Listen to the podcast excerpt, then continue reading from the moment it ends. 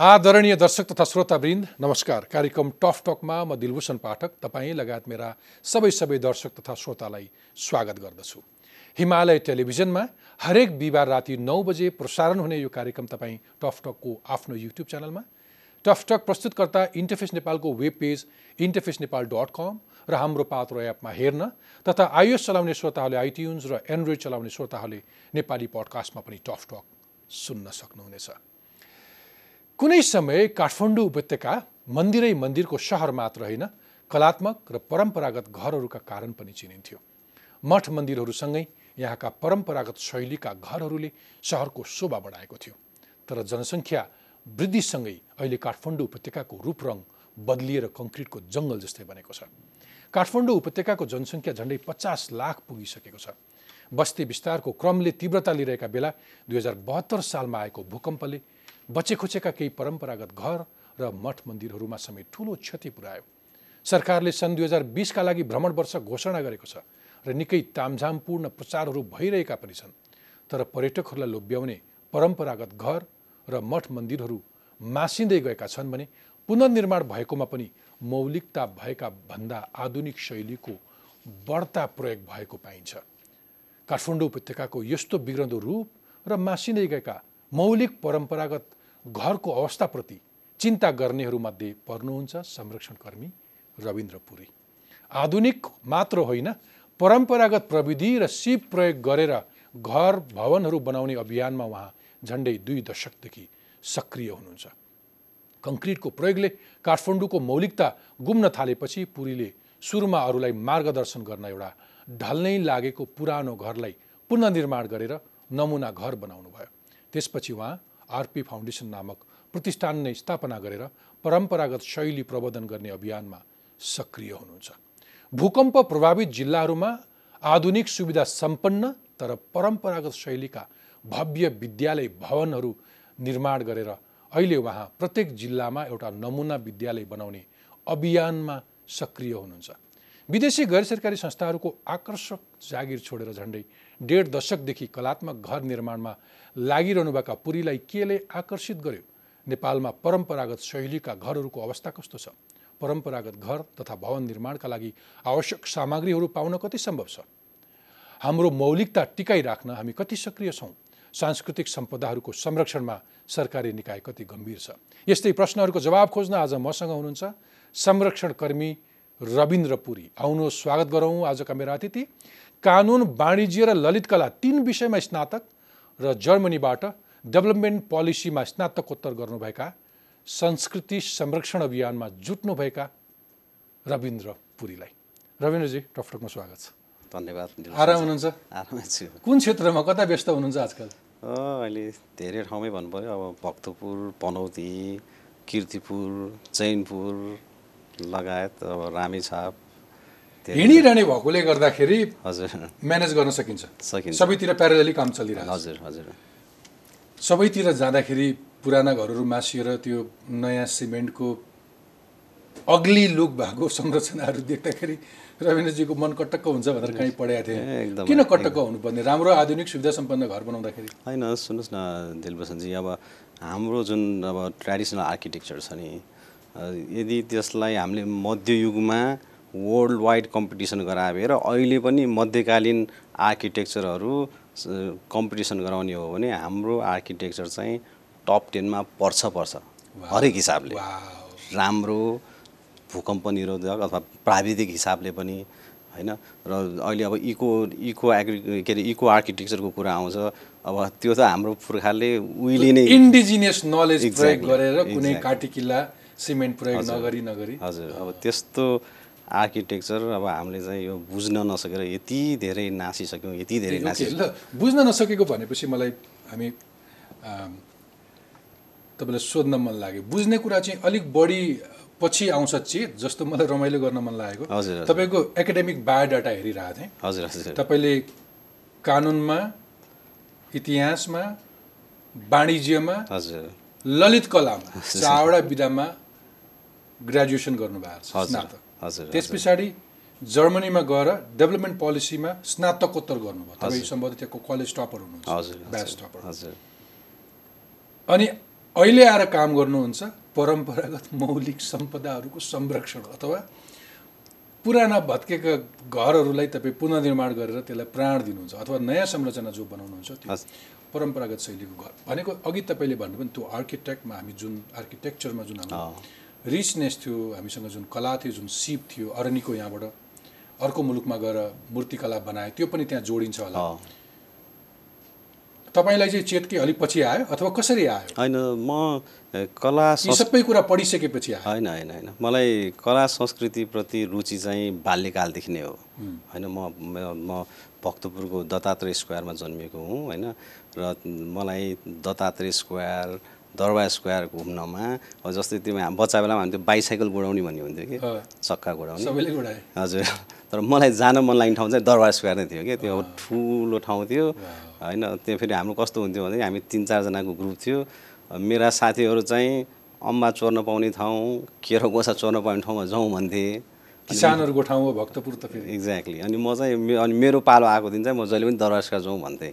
अब अहिले आएर बुझेँ कि मलाई चाहिँ त्यो ती चिजहरूप्रति मलाई बाल्यकालदेखि नै रुचि थियो भन्ने र त्यसपछि मैले भनौँ न एसएलसी पास गर्ने बित्तिकै मैले पढ्न खोजेको चाहिँ ललित कला नै हो किनभने तपाईँलाई तपाईँका पिताजीले कानुन पढ्नलाई कलेज एडमिट गरिदिनु भयो तपाईँले पिताजीलाई नभनिकन त्यही टाइममा ललित कला कलेजमा पनि एडमिट गर्नुभयो। हजुर अब त्यो मेरो भाग्य भन्नुपर्छ के भन्दाखेरि मैले ललित कला पढ्न खोजेँ हो मेरो बुवाले चाहिँ मलाई बुझाएरै भन्नुभयो यो यो यो कारणले चाहिँ तैँले ल पढ्न आवश्यक छ भन्नुभयो उहाँ उहाँ राइट पनि हुनुहुन्थ्यो। जस्तै हामी त मठमा बस्छौँ जग्गा जमिन होइन? अब त्यो अलिकति अब त्यो मुद्दा मामिला चाहिँ सजिलो हुन्छ भोलि आफूले आर्जेको सम्पत्ति Exactly. छोराले भनेर कानुन पढ्ने उहाँले पिताजीको रहर। रहर र मैले कानुन नै सुरु गरेँ र भाग्यवश के भयो भन्दाखेरि मैले सेकेन्ड इयर पढ्दाखेरि दुई सिफ्ट भइदियो कि? ल पनि मर्निङ र डे सिफ्ट। अनि मैले मर्निङ सिफ्ट चाहिँ ल पढेँ र डे सिफ्ट चाहिँ अब त्यो बुवालाई पनि नभनिकन मैले- थाहा पाउनुभयो बुवाले? मैले पढ्न थालेको दुई वर्षपछि मैले त्यति बेला सर्टिफिकेट लेभल भनिन्थ्यो। सर्टिफिकेट लेभल सिद्धिएपछि मलाई त्यो घरमै बसेर पनि मूर्ति बनाउने टेम्पटेसन हुन थाल्यो। पछि जर्मनी जानुभयो नाइन्टिन नाइन्टी सिक्समा। होइन नाइन्टी थ्रीमा नाइन्टी थ्रीमा। हजुर। त्यो चाहिँ तपाईँको किन त्यसले त्यो विषय के थियो तपाईँको? डेभलपमेन्ट डिप्लोमेसी होइन खास त म मूर्तिकलै पढ्न गएको मैले ब्याचलर यहाँ सिद्ध्याएँ। अनि म चाहिँ मास्टर्स गर्न अ, चाहिँ नि जर्मनी गएको मूर्तिकलामा। अनि एक सेमेस्टर मैले मूर्तिकला पढेको पनि हो। तर के भयो भन्दाखेरि अब मैले सिक्नुपर्ने कुरा सबै सिकिहालेँ। अब त्यो प्र्याक्टिस गर्नलाई त किन चाहिँ जर्मनीमा बसिराख्नु पर्यो? बरु अरू कुनै सब्जेक्ट छ भने पढौँ भन्ने हिसाबले मैले चाहिँ डेभलपमेन्ट पोलिसी भन्ने सब्जेक्ट भेटाएँ। त्यो कस्तो थियो भन्दाखेरि हाम्रो जस्तो विकास सन्मुख राष्ट्रलाई कसरी विकास गर्ने भन्ने सब्जेक्ट थियो। र मेरो फेरि जर्मनी जानेको उद्देश्य नै के थियो भन्दाखेरि म त्यहाँ गएर केही सिक्छु अनि फेरि यहीँ आएरै काम गर्ने भन्ने उद्देश्य भएको हुनाले मेरो लागि त एकदम राम्रै सब्जेक्ट भयो त्यो। पछि फर्केर आएर जिटिजेड भन्ने संस्थामा केही समय काम गर्नुभयो? त्यतिखेर जिटिजेड थियो कि जिआइजेड थियो? त्यति बेला जिटिजेट भनिन्थ्यो जिटिजेड थियो केही समय काम गर्नुभयो अनि छोडिदिनु भयो त्यो राम्रै सुविधा सम्पन्न जागिर हजुर अब अघि तपाईँले भनिहाल्नुभयो जस्तै राम एउटा मैले डेभलपमेन्ट पोलिसी पढ्दाखेरि म एकजना मात्र विदेशी विद्यार्थी थिएँ र मैले नै चाहिँ युनिभर्सिटी टप हेँ त्यसको एउटा फाइदा के भयो भन्दाखेरि म नेपाल आउन आएको एक हप्ता पनि भएको थिएन जिटिजेडले फोन गरिहाल्यो र अब भनिहाल्यो म त्यति बेला भर्खर छब्बिस वर्षको थिएँ र त्यति भन् त्यति बेलाको लागि त्यति यङ एजमै उनीहरूले एउटा ठुलै पोस्ट मलाई चाहिँ नि अफर गरे र मैले चाहिँ तिन वर्ष चाहिँ खुसी साथै काम गरे हो। तर चौथो वर्ष चाहिँ के भयो भन्दाखेरि तपाईँको तपाईँलाई पनि थाहा छ यो एकदमै हाम्रो परम्परागत शैलीको विनाश हुन थालेको भनेको नाइन्टिजमै हो। नाइन्टिजमा यति राम्रा राम्रा घरहरू चाहिँ भत्काउँदै त्यसको ठाउँमा ढलान घर चाहिँ ठडिन थाले। त्यो चाहिँ मलाई झन्झन असह्य झन्झन असह्य अलिकति तीव्रता पाएको चाहिँ नाइन्टीदेखि? नाइन्टिजमा हो एकदमै। यस्तो अब भनौँ त्यति बेला सडन्ली मान्छेहरूसँग एकदम धेरै पैसा पनि हुन थाल्यो। पैसा हुने बित्तिकै के गर्ने त भन्दाखेरि खुल्ला भएर आयो डेमोक्रेसीसँगै। हजुर अनि भनिहाल्ने पै अब त्यति बेलाको टेन्डेन्सी अहिले पनि अलिअलि भनौँ अब पैसा कमायो अथवा करियर बनाएपछि त्यो पुर्ख्यौली घर नभत्काइ हुँदैन हुने कि?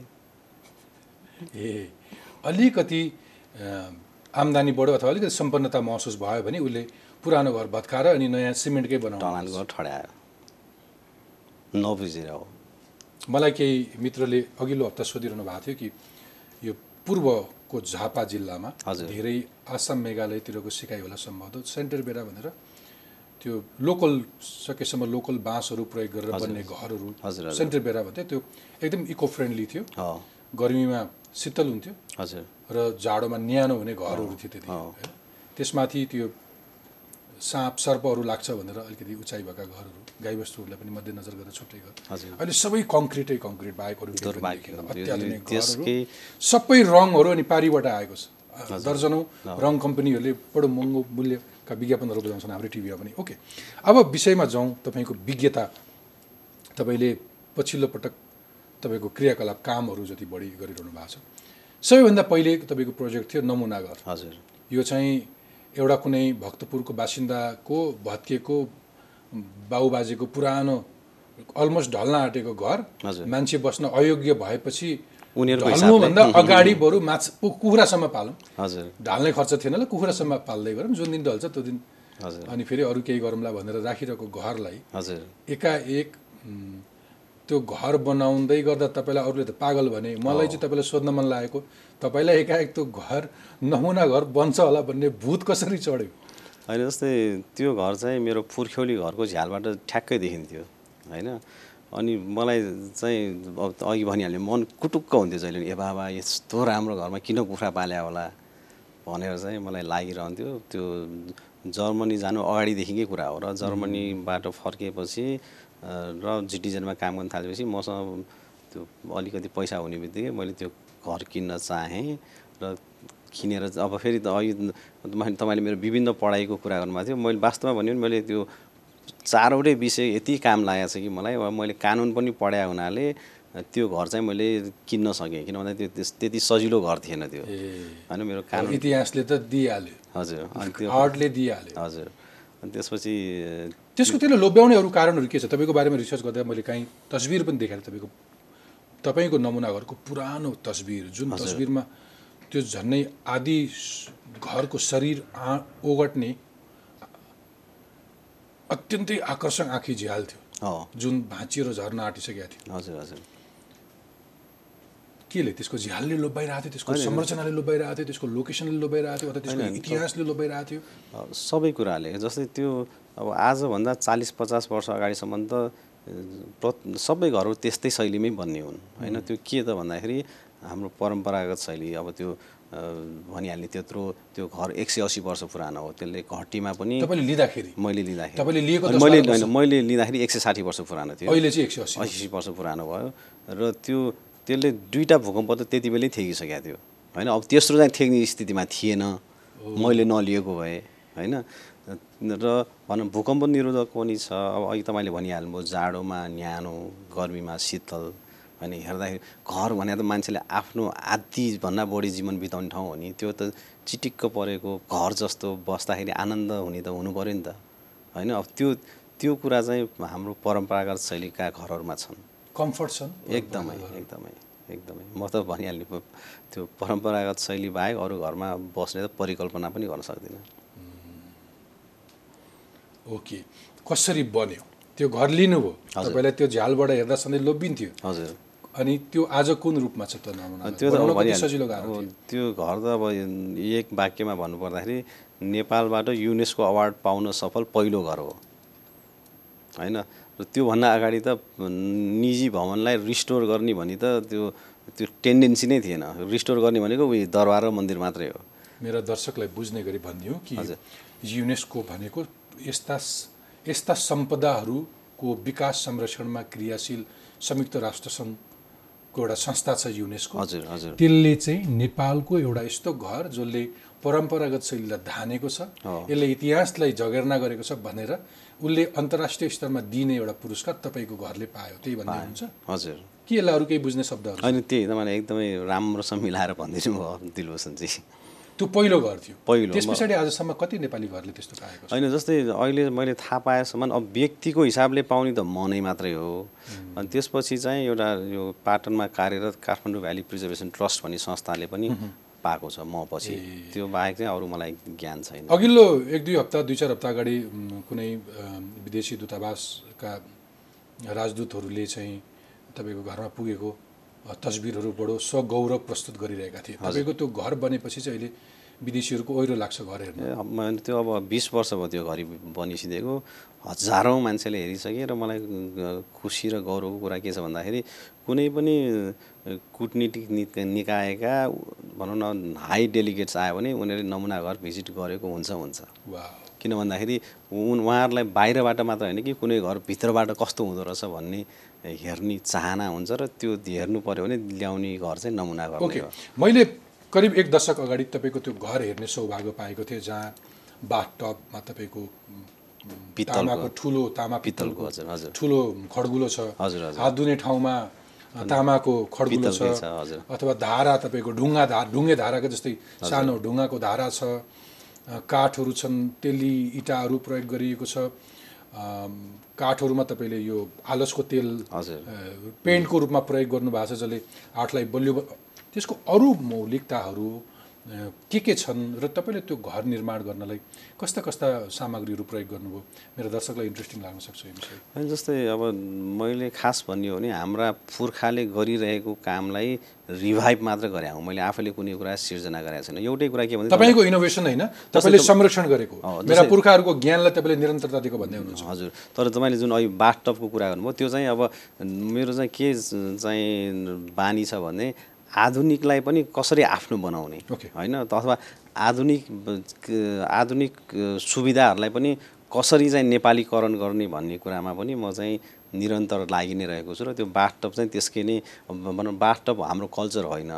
तापनि अब तर केटाकेटीलाई नहिँदाखेरि त खड्गुलामा राखेर राखिन्थ्यो होइन? त्यसैलाई मैले चाहिँ अब भनौँ न आधुनिक रूपमा ढालिदिएँ र अब विदेशीहरू आउँदाखेरि के भन्छ ए नेपालको बाथटब त यस्तो हुँदो रहेछ है भन्थे होइन। अब त्यो चाहिँ खास हाम्रो कल्चर होइन तापनि अब नै मेरो प्रश्न के भने तपाईँले अघि भन्नुभयो नाइन्टिन नाइन्टिजदेखि त एक किसिमको मार्केट बुम भयो घर जग्गाको कारोबारहरू वृद्धि हुन थाल्यो मान्छेले आधुनिक संरचनाहरू बनाए। कालीगढहरू पाउन कति सजिलो थियो? परम्परागत घरहरू त बनाउने चलन कम हुँदै गएको थियो। एकदमै गाह्रो एकदमै जस्तै मलाई नमुना घर बनाउन यति गाह्रो पऱ्यो कि किन भन्दाखेरि मैले त बजारमा उपलब्ध डकर्मी सिकर्मीहरूलाई ल्याएँ होइन? र उनीहरूलाई अनि मैले के भने भन्दाखेरि यहाँ एउटा इँटा पनि फुटाउन पाइँदैन है भन्दाखेरि उनीहरू तिन छक्क पर्थ्यो किन भन्दाखेरि त्यति बेला त के थियो भने पुरानो घर त ड्यामडुम भत्काउने अनि त्यसपछि नयाँ घर ठड्याउने हो। अब म चाहिँ अब त्यो जस्तै चिरपट भनिन्छ त्यो त्यो चाहिँ तपाईँको त्यो एउटा सिकर्मीले त्यही भन्दै यो के संरक्षण गर्छ? यो त म तिनवटा औँलाले भाँदिदिन्छु भनेर भन्थेँ कि। तर अब उनीहरूलाई यो प्रत्येक चिज चाहिँ जोगाउनु पर्छ। यसलाई फेरि रियुज गर्ने हो भन्ने कुरा चाहिँ उनीहरूलाई सिकाउन धेरै गाह्रो परेको थियो। र बिस्तारै बिस्तारै उनीहरूले बुझ्न थाले होइन? अब त्यो बुझ्ने मान्छे अनि सुरुमा त मैले भनिहालेँ अब त्यो छाना छाउने मान्छे पनि भेटिँदैन थियो एकदमै-? एकदमै गाह्रो, झिँगटी कति प्रयोगमा छ? झिँगटी त अब एउटा अब एक किसिमले त दुर्भाग्य हो होइन?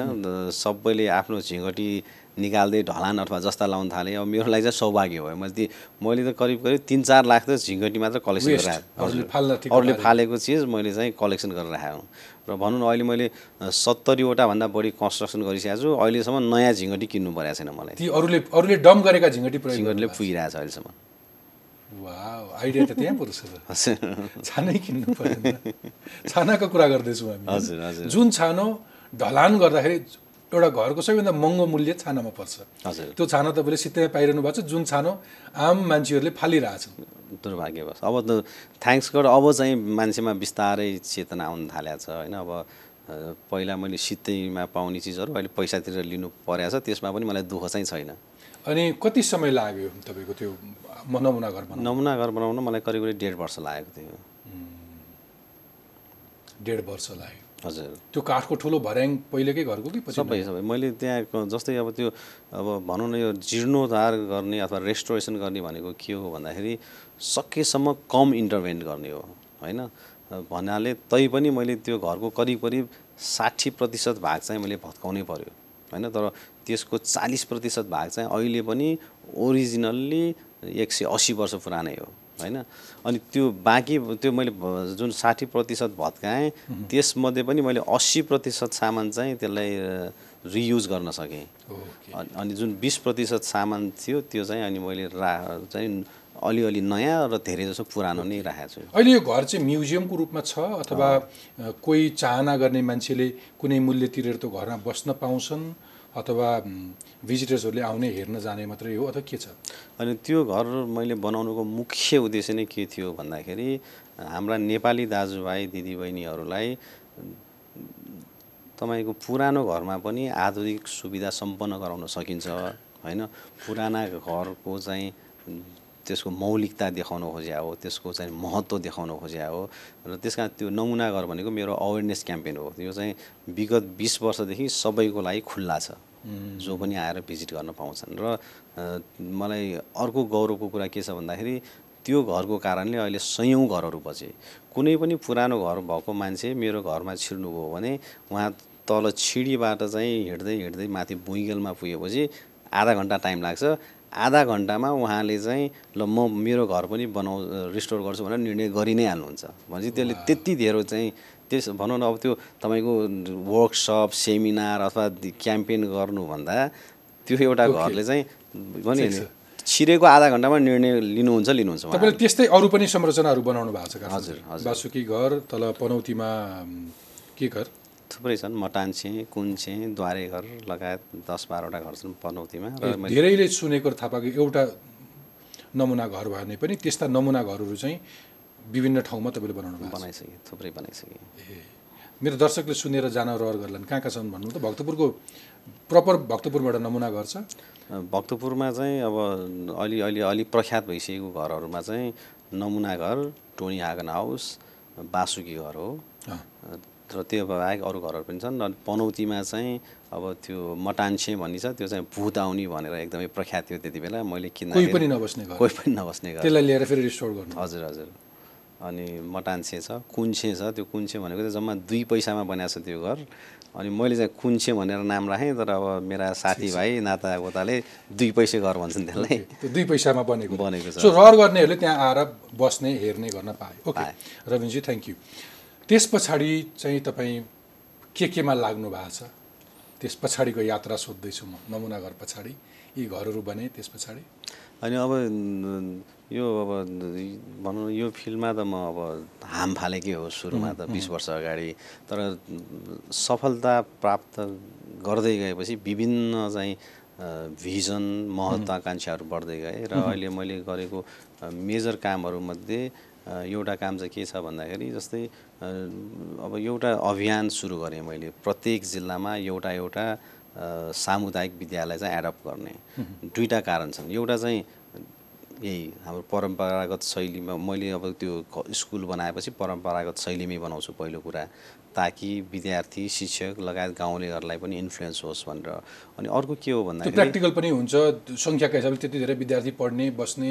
हावाको फ्लोदेखि लिएर एकदमै। कुनै विपद आइलाग्दाखेरि तिनीहरू भाग्ने हिँड्ने एकदमै। ऊहरूदेखि सबै कुराहरूको हिसाबले आधुनिक सुविधा सम्पन्न हुन्छ तर शैली परम्परागत। शैली परम्परागत अब जस्तै अहिले भूकम्पपछि मैले बनाएका सबै स्कुलहरू सेल्टर बने होइन अब त्यसपछि अब मैले अहिले नवलपरासीमा नि एउटा स्कुल बनाएको छु अलिक गर्मी ठाउँमा। अब त्यो उहाँ शिक्षक विद्यार्थी सबैले भन्छन् तपाईँले बनाएको स्कुल त स्वर्ग जस्तै छ भन्छन्। किन भन्दाखेरि अरू सबै त्यो टिनको। छाना छाना भएकोमा एकदमै गर्मी हुन्छ। मैले बनाएको स्कुल अब तपाईँको शीतलहर चल चल्दाखेरि चाहिँ न्यानो। घाम हुँदाखेरि चाहिँ शीतल। सो तपाईँले दाप्चा सङ्खसभाको चैनपुर किर्तिपुर साङ्गा पनौती यी क्षेत्रहरूमा काम गर्दै हुनुहुन्छ। हजुर। ओके विद्यालयकै कुराहरू? त्यो होइन विद्या त्यो चाहिँ त्यो संरक्षणको काम हो। जस्तै अब तपाईँको पनौतीलाई त सिङ्गै सहर नै म चाहिँ सन् दुई हजार तिससम्ममा त्यसलाई चाहिँ परम्परागत शैलीका भवनहरू भएको मात्र सहरको रूपमा विकास गर्छु भनेर म आफू पनि लागेको छु र हामीले त्यसको चाहिँ एउटा पनौतीको मास्टर प्लान नै बनाएर हामीले नगरपालिकालाई हस्तान्तरण गरिसकेको अवस्था छ र अहिले अहिले भनौँ न युनेस्को नगरपालिका र हामी मिलेर चाहिँ दुई वर्षभित्र पनौतीलाई चाहिँ वर्ल्ड हेरिटेज साइटमा दर्ता गराउने भनेर त्यो अभियान नै बोकेर हामी एकदमै द्रुत गतिका साथ काम गरिरहेका छौँ पनौतीमा होइन। अब किर्तिपुरमा पनि सुरु गरिसकेका छौँ। चैनपुर त म भनौँ नाइन्टी सिक्समा नेपाल फर्किने बित्तिकै मैले पाइला टेकेको ठाउँ भनेको बन्दीपुर र चैनपुर हो। होइन अब बन्दीपुर त सफल भयो। अब चैनपुरमा त्यति बेला चाहिँ अब भनौँ त्यो अब द्वन्द्व बढ्दै गएको हुनाले त्यहाँ काम गर्ने सम्भावना भएको थिएन। तर खुसीको कुरा के भन्दाखेरि त्यहाँको मेयरले चाहिँ म त्यहाँ आजभन्दा भनौँ न कति वर्ष चौबिस वर्ष अगाडि आएको थियो भन्ने थाहा पाउनु भएर उहाँ स्वयं मलाई खोज्दै खोज्दै मगा आउनुभयो म एकदमै भनौँ न हर्षले गदगद पनि भएँ र इन्करेज पनि भएको छु र अब उहाँहरूसँग मिलेर चैनपुरमा पनि काम सुरु गर्दैछौँ। तपाईँले म म भन्दै गर्दाखेरि तपाईँलाई अलिकति मेरो दर्शकलाई बुझ्ने गरी भनिदिउँ तपाईँले त्यस अथवा अहिले चाहिँ गएको एक दशकदेखि चाहिँ हजुर। आरपी फाउन्डेसन भनेर हजुर। काम गर्नुहुन्छ। त्यो तपाईँ त्यो संस्था रिप्रेजेन्ट गर्दै हुनुहुन्छ म Exactly, गर्दाखेरि। ओके। सो आरपी फाउन्डेसन थियो। ओके आरपी फाउन्डेसनको उद्देश्य के के थियो? कसरी राखियो नाम? होइन के त्यो- उद्देश्य छ यसको? होइन जस्तै यो अब मेरो जीवन चाहिँ अचम्मको छ कि म अब जर्मनबाट आएँ जिटिजेडमा काम गरेँ। आर्थिक रूपले सम्पन्न हुँदै गएँ। त्यसपछि झ्वाट्ट त्यस्तो जागिर छोडेर सङ्ग्रेसनमा लागेँ। अब दुई हजारदेखि लागेको अब टु थाउजन्ड फोरसम्म आउँदाखेरि त मेरो अब भनौँ कमाएको जति सिद्धिँदै सिद्धिँदै गइहाल्यो होइन? त्यसपछि एकदम भनिहाल्ने मैले यदि टु थाउजन्ड फोरमा मैले युनेस्को अवार्ड नपाउँदो हुँ त मैले त्यही सालमै त्यो नमुना घर बेचिसकेको स्थिति हुने थियो। ए अवार्डमा के थियो? होइन अवार्डले चाहिँ मेरो पपुल्यारिटी रातारात। रेकग्निसनको हिसाबले। क्यास प्राइजहरू त केही थिएन घर बेच्नु। पर्ने। तर मान्छेको एटेन्ड अब भनौँ न अब ने- त अब त्यसमा म तपाईँ मिडियाका साथीहरूलाई एकदमै धन्यवाद दिनुपर्छ। तपाईँले जब पाउनुभयो जब भनेको काम पाउनु होइन त्यसपछि त यति काम पाउनु आयो कि एज अ कन्सल्टेन्ट तपाईँले काम एकदमै। एकदमै। तपाईँ त्यस्तो खालको घरहरू बनाइदिनु घर होटेल रेस्टुरेन्ट अब के के बनाइ बनायो। त्यसपछि त त्यो हाम भनौँ न मेरो मैले नमुना घर बनाउँदाखेरि मसँग जम्मा दसजना कालीगढ थिएँ। त्यसपछि त्यो युनेस्को अवार्ड पाएपछि त तपाईँको दस बिस पचास सय डेढ सय दुई सय हुँदै अब त्यो कालीगढ त थपिँदै थपिँदै गयो काम पनि थपिँदै थपिँदै गयो। र सन् दुई हजार दससम्म पुग्दाखेरि चाहिँ अब हुन त कमाउनेलाई त जति कमाए नि पुग्दो रहेछ होइन? अनि मलाई चाहिँ के भने ए बाबा दुई चारवटा घर एक दुईवटा गाडी आफ्नो म लगायत परिवारलाई पुग्दो सम्पत्ति त भइहाल्यो। अब के बाँकी के को लागि चाहियो र? भन्ने हिसाबले एउटा त्यो सोच आयो भने अर्को अब यो भनौँ न मैले यो मिसन त धेरै दुःख गरेर सुरु गरेको थिएँ र यसलाई चाहिँ कन्टिन्यू त भोलि म प्वाक्कै मरेँ भने पनि यो चाहिँ कन्टिन्युस हुनुपर्छ भन्ने हिसाबले चाहिँ अनि चाहिँ अनि आरपी फाउन्डेसनको अनि यसले अघि तपाईँले भने जस्तै विद्यालयहरूको संरक्षणमा अरू धेरै अरू कति सहर पुराना परम्परागत सहरहरूलाई अलिकति विकासमा काम गर्दै हुन्छ। तपाईँहरू कहीँ सिन्धुपाल्चोकको तेम्बाथानमा पनि नमुना बस्ती हजुर हजुर हजुर। किन छान्नुभयो होइन त्यो चाहिँ एउटा राम्रो कोइन्सिडेन्ट के भएको थियो भन्दाखेरि जस्तै अब त्यो तेम्बाथान भनेको एकदमै दुर्गम ठाउँ हो। तपाईँको चाहिँ अब अहिले जहाँ त्यहाँ जानु पऱ्यो भने त तपाईँको चार दिन हिँड्नुपर्छ। होइन? तर हामी जाँदाखेरि पनि तपाईँको अ, गुम्मा थानबाट दुई दिन हिँडेर गयो त्यस्तो दुर्गम ठाउँ छ त्यो। अनि त्यहाँ चाहिँ अब त्यो भूकम्पले त भनौँ न त्यो सिङ्गै गाउँ नै सखाप बनायो त्यहाँ र उनीहरूलाई के लागेछ भन्दाखेरि अब त्यो त्यहाँ बनेका घरहरू त ढुङ्गा र माटोले बनेका थिए। यो ढुङ्गा र माटोले बनेको घर त नहुँदो रहेछ भनेर उहाँहरू चाहिँ आफ्नो बाँकी जीवन टहरामा बिताउने सोच बनाएर बसिसक्नु भएको छ। तर त्यहाँ मध्ये एकजना त्यो के अरे यो अलिकति यो ट्राभल बिजनेसमा लाग्नुभएको एकजना सोनाम भन्ने मित्र हुनुहुन्थ्यो र उहाँले चाहिँ मेरो बारेमा सुन्नु भएको रहेछ अनि सुन्नु भएको रहेछ र उहाँ मका आउनुभयो। अनि उहाँले त्यहाँको सिचुएसन चित्रण गर्नु भएपछि अनि मैले उहाँलाई के गरेँ भन्दाखेरि ल हिँडौँ म तपाईँलाई एक दुईवटा चाहिँ भवन देखाउँछु भनेर मैले उहाँलाई हाम्रो साँगामा बनेको एउटा घर जुन चाहिँ ढुङ्गा र माटोले बनाएको छ त्यसै गरी अनि काभ्रेको फुलबारीमा पनि हामीले अहिले एउटा आयुर्वेदिक स्पा बनाउँदैछौँ। त्यो त्यति बेला बनिसकेको थियो स्ट्रक्चर। त्यो पनि ढुङ्गा र माटोले नै बनाएको र भूकम्पले केही पनि भएन। अनि उहाँलाई त्यो देखाउने बित्तिकै त उहाँ एकदमै छक्क पनि प्रभावित पनि हुनुभयो। अनि भनौँ न अब त्यहाँ तेम्बाथानमा त्यहाँका मान्छेहरूले बाँकी जीवन टहरामा बिताउँछु भनेर बसेका मान्छेहरूलाई ल ढुङ्गा माटोले पनि भूकम्प निरोधक घर बन्दो रहेछ भन्ने मेसेज गएपछि उहाँहरू एकदमै चाहिँ आतुर हुनुभयो मका आउनमा। र अनि मैले उहाँलाई चाहिँ ल त्यहाँ भएका डकर्मी सिकर्मीहरू जति हुनुहुन्छ उहाँहरूलाई लिएर आउनुहोस् उहाँहरूलाई पनि देखाउँ। अनि उहाँहरूलाई चाहिँ भूकम्प निरोधक कसरी घर कसरी ढुङ्गा र माटोले बनेका घर कसरी चाहिँ बनाउन सकिन्छ भने हामी उहाँहरूलाई ट्रेन गर्छौँ।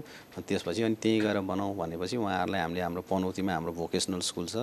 त्यहाँ ल्याएर हामीले छ हप्ता त्यहाँका बिसजना डकर्मी दसजना सिकर्मी दाजुहरूलाई ट्रेन गऱ्यौँ र त्यसपछि उहाँहरू चाहिँ अब त्यो गोला प्रथा गरेर पहिला कसको घर बनाउने आफू यस्तो मजाले चाहिँ ओके। घर बनिरहेछ कि त्यहाँ। ओके तपाईँको म आउँछु क्रमैसँग आउँछु। ओके हामी प्रतिष्ठानको एक्टिभिटिजहरूमा थियौँ। ओके अनि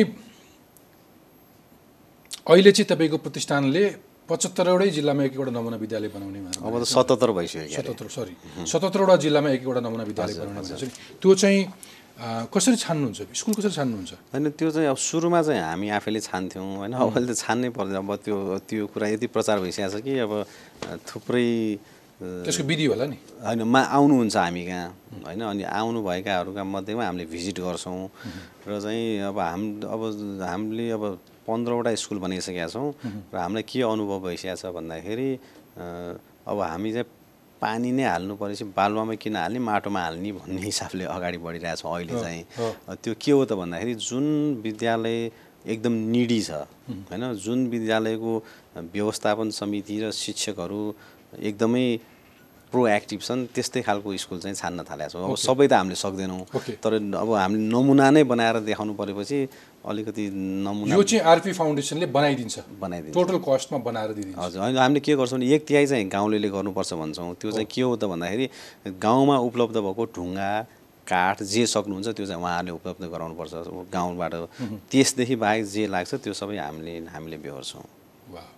अहिलेसम्म कतिवटा विद्यालय बनिसक्यो? कुन कुन अहिले चाहिँ हामीले अब पूर्वमा रामेछापदेखि पश्चिम भन्नु पर्दा नवलपरासीसम्म छरिसकेका छौँ हामी। कतिवटा जिल्लामा ग- बनाइसक्नु भयो हामीले अब सुरुमा चाहिँ त्यो सोच थिएन। सुरुमा चाहिँ हामीले मैले काभ्रेमा दुई चारवटा स्कुल बनाएर सुरु गरे हो। तर पछि चाहिँ के भयो भन्दाखेरि हाम्रो प्रोजेक्टबाट धेरै अरू विदेशी संस्थाहरू पनि प्रभावित हुन थाले र उनीहरूले चाहिँ हामीसँग हातो मालो गर्नु खोजेपछि जो अब हामीलाई चाहिँ कन्फिडेन्ट के भइसकेको छ भने मैले सत्तरवटा सतहत्तरवटै बनाउने हो भने पनि पैसाको दुःख चाहिँ हुनेवाला छैन। किन भन्दाखेरि हामीसँग विद्यालय बनाउनलाई भनेर लाइन लगाएर बसेका छन् होइन? र तर अब अहिले समस्या के हो भन्दाखेरि कालीगढकै समस्या हो।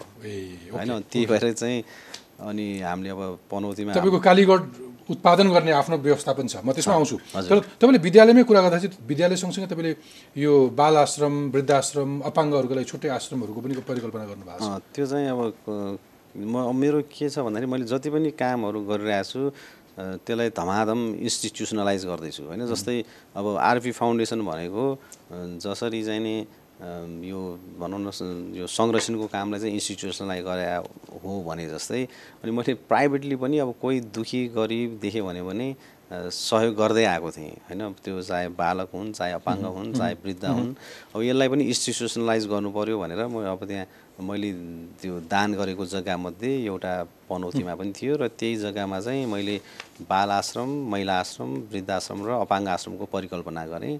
त्यो जुन चाहिँ फेरि सेल्फ सस्टेन हुन्छ त्यो तपाईँको हामीले तिन चार वर्ष मात्रै हो हामीले सपोर्ट गर्नुपर्ने। पछि चाहिँ त्यहाँ हामीसँग प्रशस्तै जग्गा जमिन छ जहाँ चाहिँ हामी अर्ग्यानिक फार्मिङ लाइफ स्टकहरू गर्न सक्छौँ।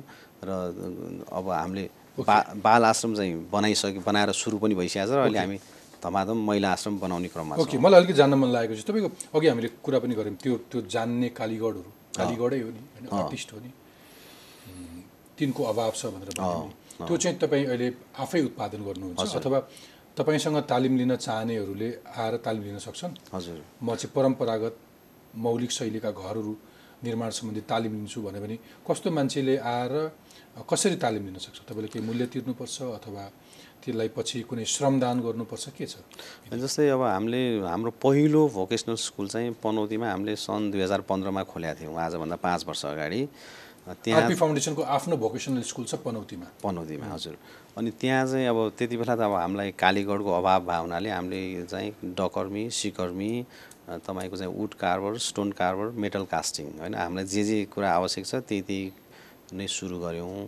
र पछि त्यहाँ अब लोकल महिलाहरूले चाहिँ तपाईँहरूले खालि पुरुषहरूको लागि मात्र गर्नुभयो महिलाहरूलाई केही गर्नु भएन भनेर चाहिँ अनि पछि हामीले त्यहाँ ब्युटिसियन र टेलरिङको पनि सुरु गरिदियौँ होइन? जुन पनि एकदमै राम्रोसँग चलिरहेछ। अ, र त्यहाँ चाहिँ अब हामीले सुरुमा एकदमै गाह्रो थियो। जस्तै हामीले चाहिँ एक वर्षको कोर्स सुरु गरेका छौँ। जुन पहिला सुरु भएकै थिएन। अब जस्तै तपाईँको सिटिभिटी अन्तर्गत चाहिँ तिन महिने तालिम हुन्थ्यो। तर तिन महिनामा खास ज हामीलाई जुन किसिमको का चाहिँ कालीगढ चाहिने हो त्यो काली किसिमको कालीगढ उत्पादन नहुने हुनाले चाहिँ हामीले एक वर्षको बनायौँ र त्यो चाहिँ नि अब भनौँ न एक वर्षमा उनीहरूले यस्तो राम्रो काम गर्छन् कि त्यो त हाम्रा हामीसँग भएका कालीगढको योग्यताको करिब अस्सी प्रतिशत योग्यता त एक वर्षमै हासिल हुन्छ र जसले गर्दाखेरि हामीलाई त्यसपछि चाहिँ काम गर्न धेरै सजिलो पनि भएको छ। त्यो तपाईँको तालिम लिएपछि कति मूल्यमा बिक्छन् यी मान्छे? अनि जस्तै हाम्रो कति मूल्य आउँदो रहेछ मासिक आम्दानी कति रहेछ? जस्तै कस्तो छ भन्दाखेरि अब हामीले त्यो तालिमलाई चाहिँ एक वर्षलाई चार खण्डमा विभाजन गरेका छौँ। अनि तेस्रो खण्ड अथवा छ महिना पुगेपछि उनीहरूले हामीबाटै पै चाहिँ पैसा पाउन थाल्छन् महिनाको तिन हजार पकेट मनी भनेर।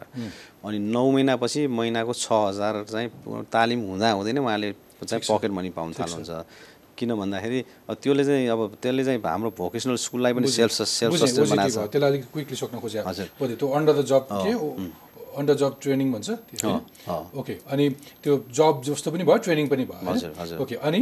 अनि एक वर्ष चाहिँ सिद्धिने बित्तिकै उहाँहरूले हामीकै नै मिनिमम पन्ध्र हजार मासिक त हामीकै पाउनुहुन्छ उहाँहरूले। हामीसँग बस्न चाहनुभयो भने। होइन? तर अब राम्रो कुरा के भएको छ भन्दाखेरि अब त्यो यो झन् भूकम्पपछि चाहिँ डिमान्ड स्वात्तै बढाएको छ। त्यसले गर्दाखेरि अब हामी कहाँ बस्यो भने चाहिँ पन्ध्र हजार मात्र पाउने भयो सुरुमा। अब बाहिर चाहिँ बजारमा बिस पच्चिस हजारसम्म पनि पाउन थाल्नु भएको छ उहाँहरूले।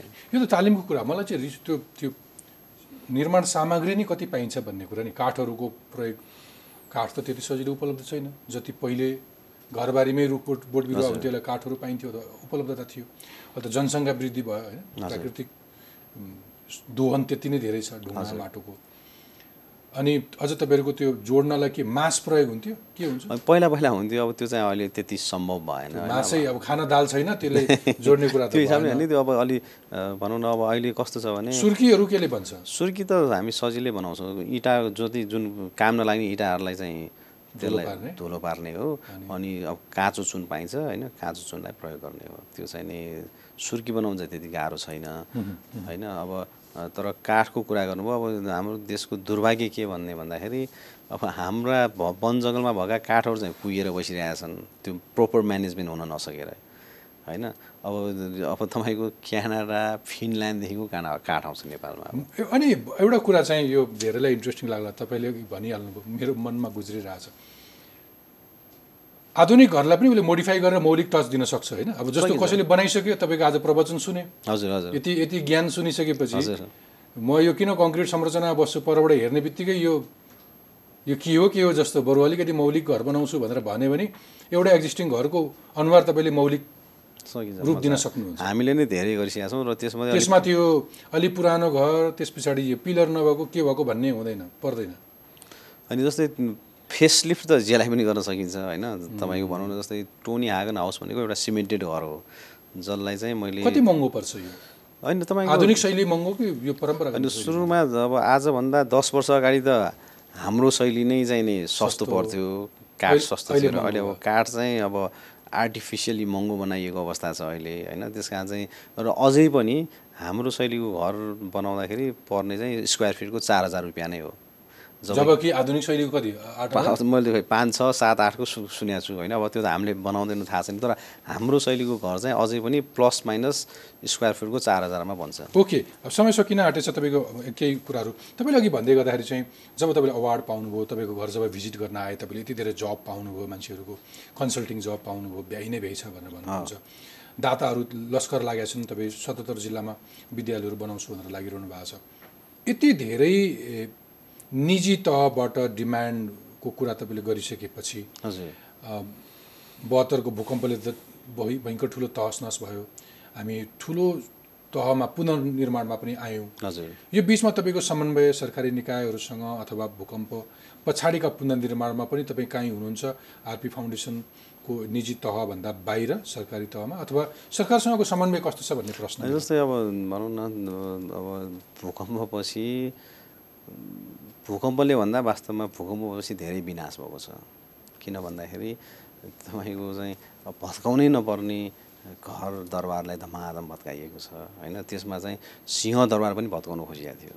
अनि त्यसमा चाहिँ यो त अति नै भयो भनेर म आफै लागेर चाहिँ क्याम्पेन गरियो धेरैजनाहरूले साथ पनि दिए र चाहिँ नि त्यस क्याम्पेन सफल भयो। त्यो भत्काउने भनेर निर्णय गरिसकेको सिंहदरबारलाई अब रेट्रोफिट गर्ने निर्णय भयो र त्यो अब म क्याम्पेनमा लागेको सजाय पनि पाइयो भनौँ त्यो के भन्दाखेरि अनि त्यसको स्टियरिङ कमिटीमा चाहिँ मलाई पनि राखिएको छ अनि राष्ट्र ब्याङ्क त भत्काइयो नि? त्यो त भनिहालेँ। यो त यस्तो भनेको ती सबै अनि ढलेर बाङ्गो भइसकेपछि त्यो भत्काउनु पर्दैन तपाईँको भनाइ रेट्रोफिट गरेर हुन्छ। धुलो धुलो भइसकेको छ। तपाईँले अघि भनिहाल्नु भने दिलभूषणजी जस्तै नमुना घरको पुरानो फोटो त देख्नु भएको रहेछ नि तपाईँले। त्यो इँटा त सग्ला थियो नि त। होइन त्यो तपाईँको नमुना घरभन्दा दस गुणा चाहिँ बलियो अवस्थामा थियो। अझ सिंहदरबार त मासै प्रयोग गरेर जोडियो। हजुर हजुर। भनेर तपाईँको यो हाम्रो परम्परागत शैलीको मिठास त के छ भन्दाखेरि जुन पार्ट विक हुन्छ त्यसलाई मात्र चाहिँ भत्काएर। रिस्टोर गर्न सकिन्छ। ओके समय सिद्धियो तर यो एउटा सेगमेन्ट कुरा गर्छु। यो क्लाइमेक्स जस्तो लाग्छ मलाई। तपाईँले तपाईँले पछिल्लो पटक गरेको र तपाईँले पछ्याउँदाखेरि बडो मजा आएको एउटा परियोजना। तपाईँको म्युजियम अफ स्टोलन आर्ट हजुर। तपाईँकै मुद्रामा तपाईँकै मुखबाट सुनाउनुहोस्। म्युजिक अफ स्टोलन आर्ट्स भनेको के हो? म्युजियम अफ स्टोन आर्ट भनेको चाहिँ जस्तै sorry museum of stolen art. हजुर जस्तै मैले अब यो नमुना घरबाट मैले के देखेँ त भन्दाखेरि अब यो विनाश हुनुको मुख्य कारण भनेको अवेरनेस नभएर नै रहेछ।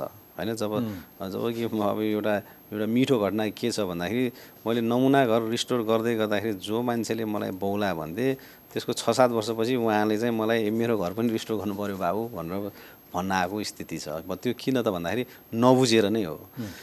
अनि त्यसपछि अब अर्को ठुलो समस्या कहाली लाग्दो समस्या के छ भन्दाखेरि मूर्ति चोरी।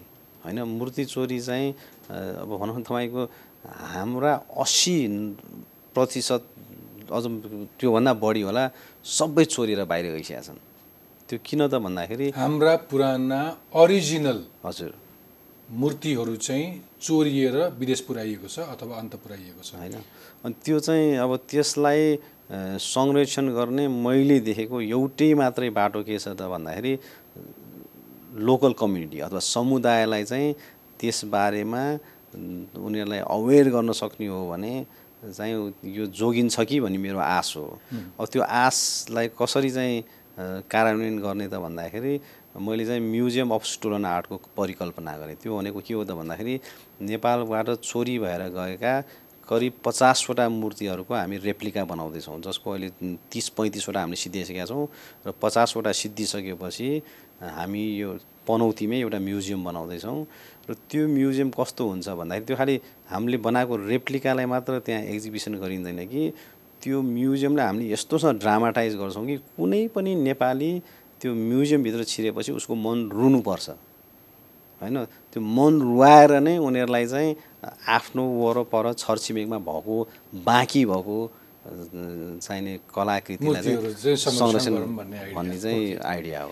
अनि रेप्लिका गर्नुको लागि चाहिँ हराएका कतिवटा मूर्तिमध्ये तपाईँले कतिवटा भन्नुभयो? अहिले हामीले पै हाम्रो टार्गेट चाहिँ पचासवटा हो। पैँतिसवटा चाहिँ हामीले सिद्धाइसक्यौँ कहिले सकिन्छ बाँकी? अब यो टु थाउजन्ड ट्वेन्टीभित्र नै सिद्ध्याउने चाहिँ हाम्रो सोच छ। अनि त्यो रेप्लिका तपाईँले कुन बेसिसमा तपाईँले तिनै मुलुकमा जहाँ लगेर चोरिएर जुन इन्टरनेसनल म्युजियम्सहरूमा राखिएको छ त्यसको तस्विरहरू खिचेर ल्याउनु भयो अथवा पुरानो आर्काइभहरू लैनसिङ बाङदेल लगायतका? लैन हाम्रो मुख्य लैनसिङ बाङदेलज्यूकै पुस्तक हो र त्यसदेखि बाहेक अब म विदेश घुम्न पाएँ कि त म्युजियम कहाँ छ भनेर खोज्दै खोज्दै गइन्छ। अब अब त्यो कतिपय केसमा त गोप्य रूपमा खिचेर ल्याइन्छ। अनि त्यो त्यो त्यो त्यो एक्सपर्टिज भएको कालीगढ चाहिँ छ जसले तपाईँको त्यसको रेप्लिका नै रेप्लिका भनेको त फोटोकपी नै हो। जस्ताको त्यस्तै हो। जस्ताको जस्तै एकदमै जो अब ढुङ्गा कहाँबाट आउँछ? अब यो तपाईँले भने अहिले अहिले सरकारको कुरा गर्दै हुनुहुन्थ्यो अहिले ढुङ्गाको कुरा गर्नुभयो। यति गाह्रो छ। म यो त तपाईँको राज्यले गर्नुपर्ने काम हो। ठुल्ठुलो ढुङ्गा चाहिन्छ होला। चाहिन्छ। यति गाह्रो छ यति चाहिँ नि त्यो बाधा व्यवधानहरू छन्। अब त्यो कुरै नगराउँदै ल्याउने त धेरै जसो हामीले फर्मिङबाट ल्याउने हो होइन। अब त्यो हामीले ढुङ्गा खोटाउन जान त पाइँदैन फेरि। होइन, तपाईँ यो यति ठुलो परियोजना गर्दै हुनुहुन्छ त्यो सरकारसँग समन्वय छैन कि? यसले मुलुकबाट चोरिएर गएका राष्ट्रिय महत्त्वका त्यस्ता गहनाहरूको रेप्लिका बनाइरहेछ त्यो चाहिँ एउटा स्टेटको एउटा सम्पत्ति हुन्छ भोलि त्यो म्युजियम भनेको। त्यसले एक किसिमको जागरण ल्याउँछ भइरहेका मूर्तिहरू संरक्षणमा यसले योगदान पुग्छ भन्ने त्यस्तो कुनै तपाईँले पुष्टाइ गर्न सकेको अथवा सरकारसँग त्यो चेत भएको अनि यो एउटा सामाजिक काममा कुनै एउटा बाटो खोल्ने भन्ने केही छैन कि सहयोग सहयोगको त कुरै छोडिदिनुहोस् दिलभूषणजी। मेरो बाटोमा तगारो मात्र नहालिदिए पनि ठुलो मद्दत हुने थियो। होइन त्यो त तपाईँले पुष्टाइ गर्न पनि नसके होला। सबैलाई आफूले गरेको काम त सही लाग्छ। तर राज्यका आफ्ना विधि नियम हुन्छन् अनुशासन हुन्छन्। तपाईँ जस्तै बाहनामा अर्कोले अर्को त्यो। प्राकृतिक त्यो होइन दोहन त सबैले गरिरहेछन् नि होइन? खोलै सबै बढाएर लान्छन् ढुङ्गाहरू होइन? हजुर। माथिसम्म चुरे सकिन आँटिसक्यो भनेपछि तपाईँलाई यहाँ राजधानीको त्यो फर्पिङ कोटाउन त केही तर्क चाहिएला नि त। एनिवेज तपाईँलाई भन्नुहुन्छ त्यो स्टोन त्यो म्युजियम अफ स्टोलन आर्ट बनाउँदै गर्दाखेरि जुन ढुङ्गाहरू चाहिरहेको थियो त्यसको अभाव छ। एकदमै। कारिगरहरू कहाँबाट आउँछ? कारिगर चाहिँ जस्तै मैले अब त्यसको टिम लिडर चाहिँ एकजना ओडिसाबाट इन्डियाको ओडिसाबाट झिकाएको छु। किन किन भन्दा अब मैले त्यो सोच हुने बित्तिकै सोच हुने बित्तिकै म चाहिँ तपाईँको दिल्लीको अशेश्वर धाम पुगेको थिएँ। र त्यो अनि मैले चाहिँ खोज्न थालेँ यो बनाउने मान्छे को रहेछ भनेर। मलाई दुई वर्ष लगाएर मैले हाम्रो त्यो तिमिर भैया भन्छौँ हामी उहाँलाई उहाँ चाहिँ ओडिसाको हुनुहुँदो रहेछ। उहाँलाई आएर उहाँलाई ल्याएर उहाँले पनि केही कारिगर लिएर आउनुभयो र बाँकी हामीले नेपालबाटै राखेर एउटा आठ नौजनाको एउटा टिम छ र अनि हामीले नयाँ मान्छे पनि ट्रेन गर्दैछौँ फेरि। हुन्छ रविजी मैले सकेँ तर बिट मार्दा मार्दै तपाईँ यति लामो समय काम गर्नुभएको म यतिकै सोक्नु सक्न चाहन्न। पोजिटिभ नोटमा केही सन्देश अथवा केही भन्न चाहनुहुन्छ केही बचे खोजेको केही छ भने सकौँ यो एक मिनटमा। त्यही अब जस्तै तपाईँले अब अघि मेरो आरपी फाउन्डेसनको कुरा उठाउनु भयो र यो यो वर्ष भनेको एक दशक हो फाउन्डेसनको र मलाई गौरव के छ भन्दाखेरि हामीले एक दशकमा यति धेरै काम गऱ्यौँ होइन? र अब तर मलाई चाहिँ एउटा दिक्क के लाग्छ भन्दाखेरि नि हाम्रो घर हाम्रो देशमा यति धेरै धनाढ्य मान्छेहरू हुनुहुन्छ होइन? मरेर लाने त केही होइन नि त होइन? नाङ्गो हातै जाने हो। अब त्यो सम्पत्ति किन चाहिँ उहाँहरूले चाहिँ थुपारेर राख्या होला जस्तो लाग्छ कि? त्यो सम्पत्ति चाहिँ मतलब मैले मलाई त गौरव के छ भन्दाखेरि मैले चालिस वर्षको उमेरमा मैले आदि सम्पत्ति त्याग्ने साहस आयो ओके अहिले देख्दाखेरि धेरैलाई के लाग्न सक्छ भने तपाईँ एउटा आरपी फाउन्डेसन भन्ने संस्था चलाउनुहुन्छ विदेशी दात्री संस्थाहरूसँग अथवा जो स्वदेशी दात्री संस्थासँग केही रकम लिएर विद्यालयहरू पुनर्निर्माण गर्दै हुनुहुन्छ परियोजनाहरू सञ्चालन गर्नुहुन्छ तर फाउन्डेसन सुरु गर्दा चाहिँ तपाईँले आफ्नो अंशको आधा अंश त्यहाँ हालेर सुरु गर्नुभएको थियो। त्यसको रूप मात्रै ठुलो भयो। त्यस कारण अहिले धनीमानीहरू किन यति धेरै सम्पत्तिको लोभ गर्छन्? समाजमा केही दान गर भन्ने तपाईँको आशय हजुर। अरू केही? त्यो गऱ्यो भने यति धेरै काम बनाउने हाम्रो हामी यति धनी कला। कला संस्कृति प्रकृतिमा यति धनी छौँ यस्तो राम्रो देश छ होइन? अब अरू भनौँ न अरूलाई गाली गर्नुभन्दा जल जो सक्षम छन् ठिक छ। उनीहरू चाहिँ लाग्दिए भने धेरै राम्रो हुन्थ्यो हुन्छ। रविन्द्रजी तपाईँको उत्तरोत्तर प्रगतिको कामना गर्छु। अरू धेरै मौलिक परम्परागत शैलीका घरहरू देख्न पाइयोस् कुनै गाउँ कुनै सहर पुग्दाखेरि। त्यो किसिमको जागरण पनि ल्याउन सफल हुनुहोला तपाईँलाई धेरै धेरै धन्यवाद। तपाईँलाई पनि एकदमै धन्यवाद दिनु थ्याङ्क यू